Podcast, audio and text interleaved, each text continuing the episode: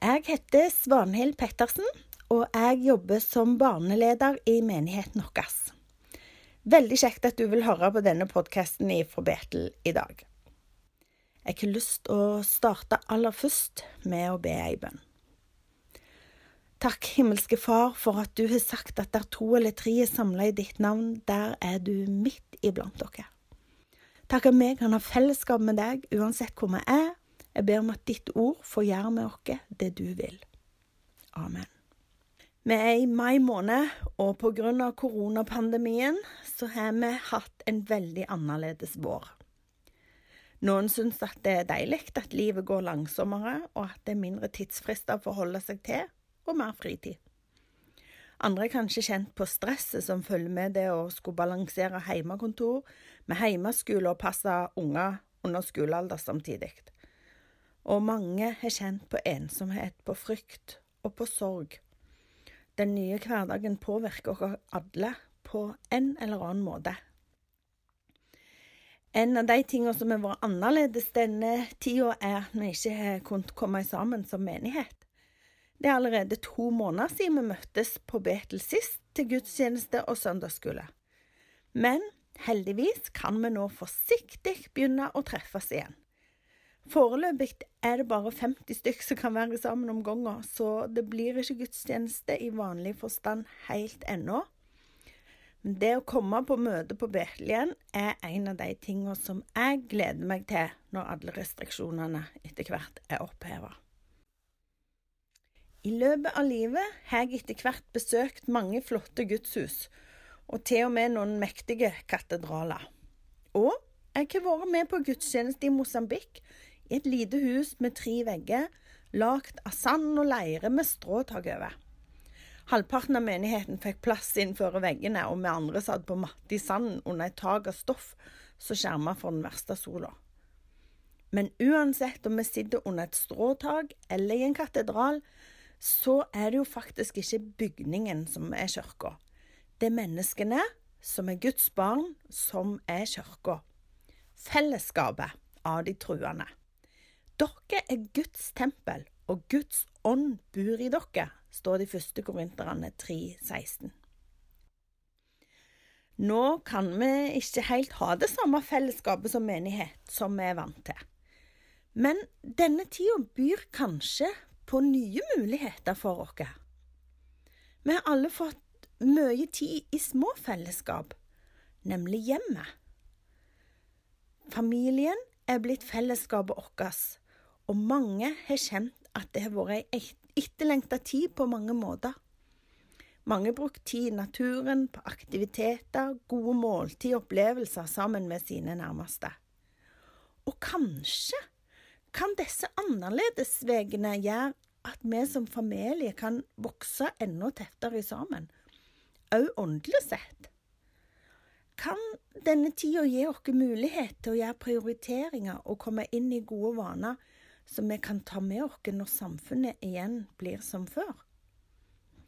Jeg ønsker i løpet av de neste minuttene å fokusere på hvordan trua kan være en naturlig del av hverdagen vår, og hvordan vi kan bruke denne tida på en måte som bygger opp og utruster ungene våre i deres tro. Jeg har nok familier i tankene på en særskilt måte i dag, men om du hører på og ikke har unger rundt deg, så tror jeg likevel at du vil kunne kjenne deg igjen i mye av det vi snakker om. Så heng gjerne på videre.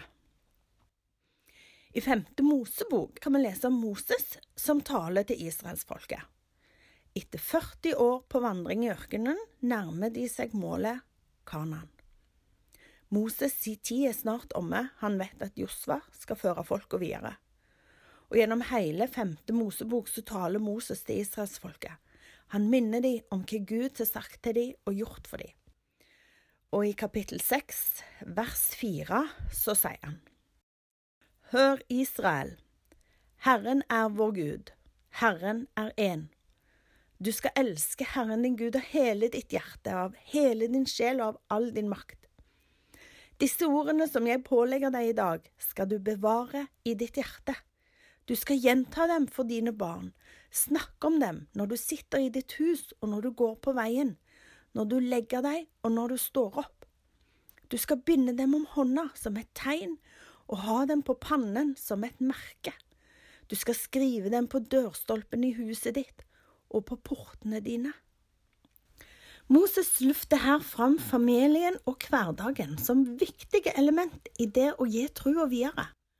Han sier først, bevar disse ordene i ditt hjerte, bind de om hånda di og skriv de på dørstolpene dine.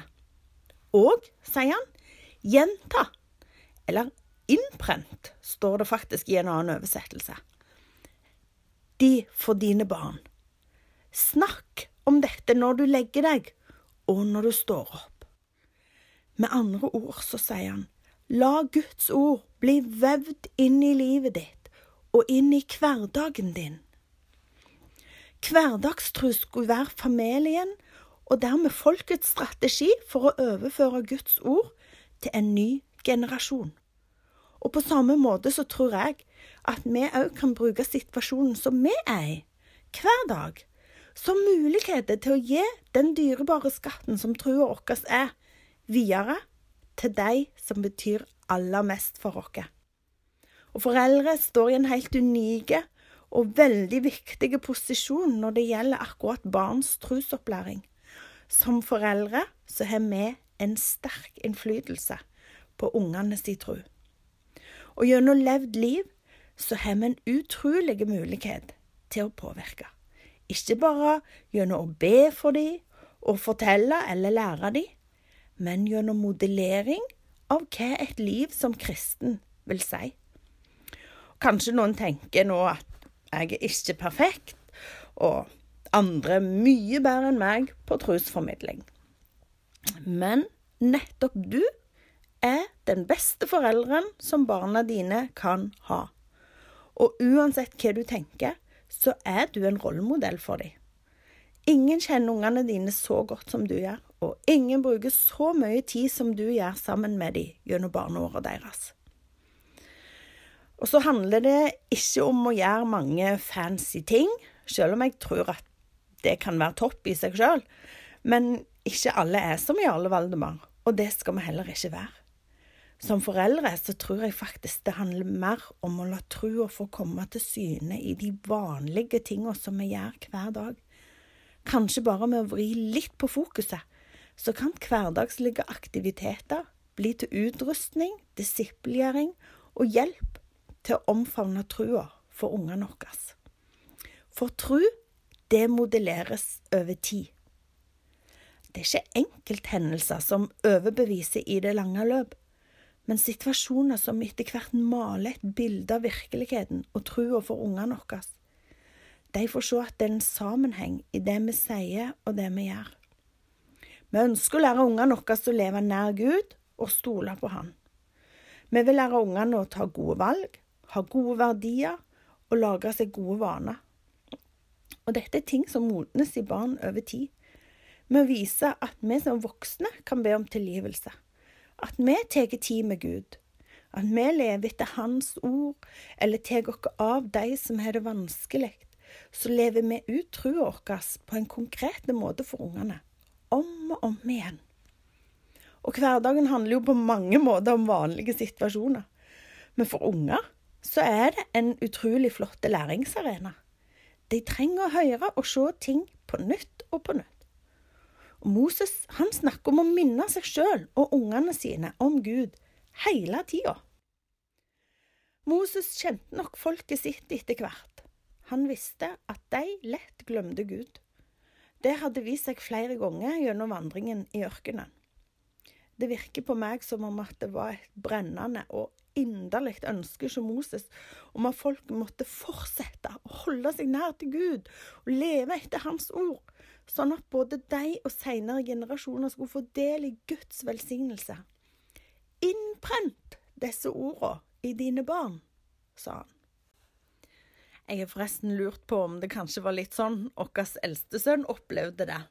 En gang da han var ni-ti år gammel, så kom han hjem fra en barnesamling, og så sa han Mamma, nå trenger jeg ikke høre flere andakter. Nå kan jeg alle historiene i Bibelen allerede. Han fikk nok likevel med seg noen flere andakter etter det, og trua fortsetter å modne fram igjen. Noen år seinere valgte han å døype seg, og i den forbindelse så sa han en gang Hver gang jeg hører noe fra Bibelen, så lærer jeg noe nytt.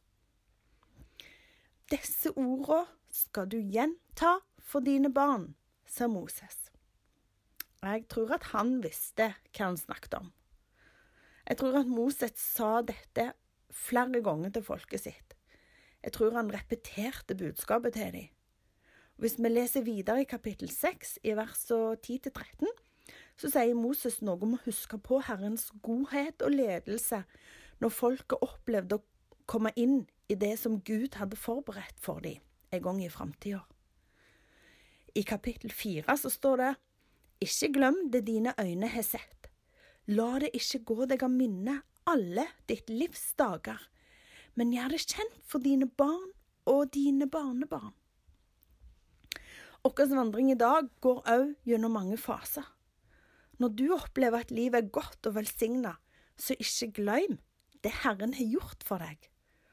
Og la gjerne ungene få være med på den samme reisen. Be for situasjoner sammen, og takk når det går bra.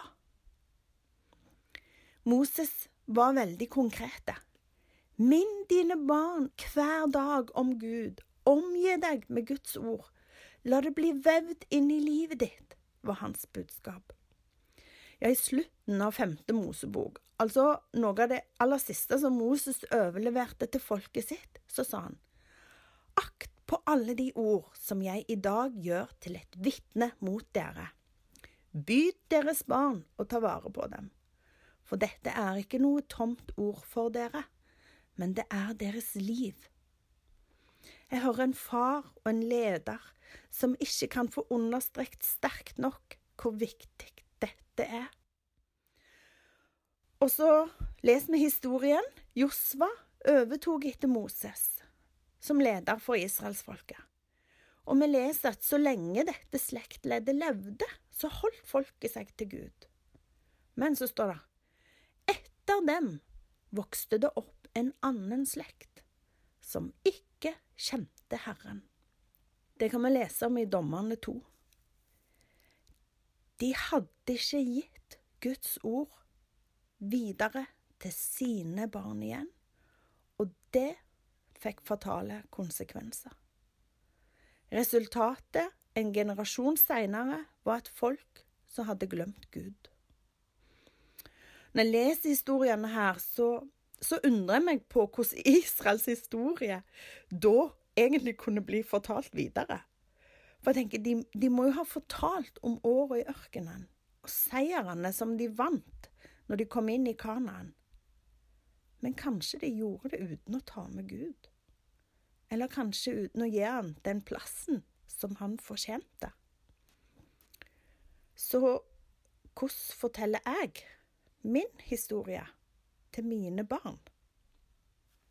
Til de rundt meg? Hva har Gud gjort i mitt liv? Er det en del av arven som jeg gir videre til neste generasjon? Koronahverdagen har gjort noe med hvem vi omgås og fysisk bruker tid med. Men det har hatt ganske stor innvirkning på hverdagen ellers òg for de fleste av oss.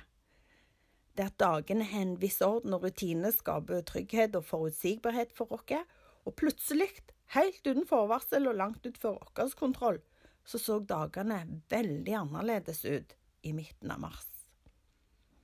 I de fire første ukene etter at det ble koronarestriksjoner i Norge, så ble det meldt om større salg enn vanlig av snop og søtsaker. Kanskje påsken hadde litt av forklaringen, men mange sa òg at de koste seg nok ekstra mye, og at det å ha et kjøkkenskap så nærme hjemmekontoret gjorde noe med spisevanene deres. I en undersøkelse gjort av Opinion i Norge i slutten av april meldte nesten 30% at de var i dårligere fysisk form etter koronautbruddet, altså i løpet av en måned. De som sitter på informasjon fra Fitbit-klokker og andre aktivitetsmålere, meldte òg om en betydelig reduksjon i aktivitetsnivået til folk i hele verden i forhold til samme tid i fjor. Nye situasjoner fører ofte til endringer i rutiner og i vaner som er her. Ting blir rusta og omrokert, og vi må finne en ny rytme i hverdagen. Men 10% av de som ble spurt i Opinion sin undersøkelse, sa at formen deres hadde blitt bedre etter at koronautbruddet førte til nedstengning av landet.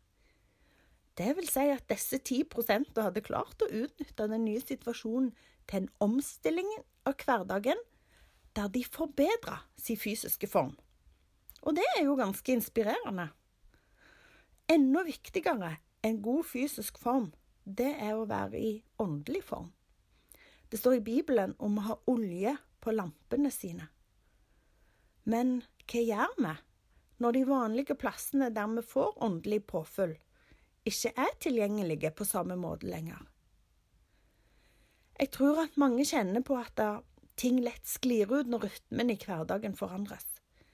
En må lage nye rutiner. Fellesskap, gode rutiner og vaner er faktisk god drahjelp for oss, og det kan oppleves ekstra frustrerende når disse blir forskjøvne, og i alle fall når det ikke er sjølvalgt. Personlig så har jeg opplevd det ganske folksomt rundt meg de siste månedene. Jeg er veldig glad i familien min, men det har vært en overgang å være seks stykk i samme stove nesten 24 timer i døgnet. For en som lader batteriet best når hun er alene, så har det til tider faktisk vært utfordrende. Så det har blitt noen turer til Lifjell, for å si det sånn. Og Da vi først fikk høre om koronasyke i Rogaland, så bestemte jeg meg for å gå opp på fjellet og be. Jeg ba for sykehuset i Stavanger, for bygda og for byen vår. Og etter det så har jeg fortsatt med bønnestunder på Lifjell. Jeg har hatt noen veldig gode turer der. Bakken opp er like lang hver gang, syns jeg, men utsikten, tida med Gud og med meg sjøl har vært så godt for meg. Og Det er mulig at jeg kommer til å fortsette å sette meg på plassen min der oppe og be, òg etter at huset blir mindre folksomt på dagtid. Hvordan kan omstillinga som koronautbruddet medfører, gjøre at vi heller trua varme, eller kanskje til og med styrker trua vår? Kanskje du som person eller dere som familie kan finne nye måter å ta til dere åndelige næring på. Kan denne tida åpne nye muligheter for oss òg når det gjelder dagligdagse rutiner og gjøremål? Mange ting er blitt skrelt vekk, og det har jammen ikke vært bare lett. Men kanskje ser vi òg at det er flere ting som vi faktisk kan klare oss uten. Og når vi blir nødt til å omstille oss og skape nye rutiner i hverdagen, så kan vi kanskje videreføre det som er positivt, og utvikle det enda mer. Flere opplever at de har fått mer tid som de kan fylle med det som virkelig betyr noe for dem. Og så Drive-in-kirke, online-gudstjenester, har jo plutselig sprutt opp de siste månedene. Konserter, sanger, ord til oppmuntring har blitt spredt digitalt i en helt ny skala. Noen ganger kan det ta tid før vi kommer inn i nye vaner og rutiner. Med bortfall av mange ting som bare for noen uker siden var selvsagte, så har vi òg kanskje blitt mer obs på hva som virkelig betyr noe for oss. Hva bruker jeg egentlig tida og kreftene mine på? Og hva vil jeg bruke dagene mine på? Hjemme hos oss har vi opplevd at forandring i dagsrytmen har gjort det enklere å få til en kort familieandakt om kvelden. Mange syns det er flott å starte dagen med et Guds ord til alle, og det er jeg helt enig i. Likevel så må jeg nok som et utpreget B-menneske og med flere ungdommer i huset innrømme at frokostene hjemme hos oss ikke er de mest strukturerte. Og For min del er det nok lettere å komme på banen litt seinere på dagen. Så nå har vi ei bok liggende på kjøkkenbordet, og vi bruker et minutt eller to med kveldsmaten istedenfor morgenandakten, som egentlig ikke har fungert skikkelig på en stund likevel. En annen ting som jeg vil ta med meg fra denne våren, og som jeg håper kan bli en ny tradisjon i vår familie, var en opplevelse som vi hadde i påsken. På skjærtorsdag tok vi annet med oss litt polarbrød i sekken og rød saft på ei flaske, og reiste på tur. Og på en liten høyde med utsikt over ei nydelig strand på Jæren, så fant vi en krok for oss sjøl. Der delte vi nattverden sammen, bare oss i familien. Og det ble en veldig fin opplevelse, som jeg vet at jeg vil bære med meg lenge. Mye i samfunnet vårt er sett på pause nå, og heldigvis så trenger vi ikke sette trua vår på pause. Jeg tror at denne tida kan by på muligheter der vi kan bli både styrka i trua vår og muligheter for å gi den videre. Til ungene våre og til de som betyr aller mest for oss. Så hvordan blir det med deg? Forfaller du, eller forandrer du deg? Og så vil jeg gjerne si helt på slutten at det kan være lett å kjenne på dårlig samvittighet over alt det vi skulle og gjerne ville gjort, men som vi likevel føler at vi ikke strekker til på. Og til deg som kjenner det sånn, så vil jeg si at det handler ikke om å gjøre, det handler om å være. Vær i Guds nærhet. Vær i det gode fellesskapet med Han. Kom og hvil dere litt, sier Jesus. Min byrde er lett, og mitt òg er gagnlig. Det å være i Guds nærhet er ikke meint å være en stressfaktor, men det er heller å få et pusterom med hvilepuls. Hør på dette. Kast all deres bekymring på Herren, for Han har omsorg for dere. Han gir den trette kraft, og den som ingen krefter har, gir han stor styrke. Frykt ikke, og vær ikke redd, for jeg er med deg. Jeg hjelper deg og holder deg oppe med min frelserhånd. Hold dere nær til Gud, så skal Han holde seg nær til dere. Guds ord er til hjelp, til trøst og rettledning for oss i hverdagen, med alle dens utfordringer og krav. Og i tide med velsignelse, eller bare i en helt vanlig, herlig hverdag. Jeg vil gjerne be ei bønn for deg helt til slutt. Kjære himmelske Far, takk for ditt ord og for din Hellige Ånd som du har gitt dere, hver og en som tror på deg. La dine ord fylle livet til de som hører på, sånn at hverdagen og livet deres blir et vitnesbyrd om deg og om din godhet til alle rundt dem. Hjelp oss å minnes det du har gjort, og den du er for oss. Hjelp oss å bevare dine ord i vårt hjerte, og lær oss å gjenta dem og snakke om dem når vi er hjemme, og når vi går på veien, når vi legger oss, og når vi står opp sånn at generasjonene som kommer etter oss, vil kjenne deg og la trua få en sentral plass i livet sine. Vi ber i Jesu navn. Amen. Gud velsigne deg.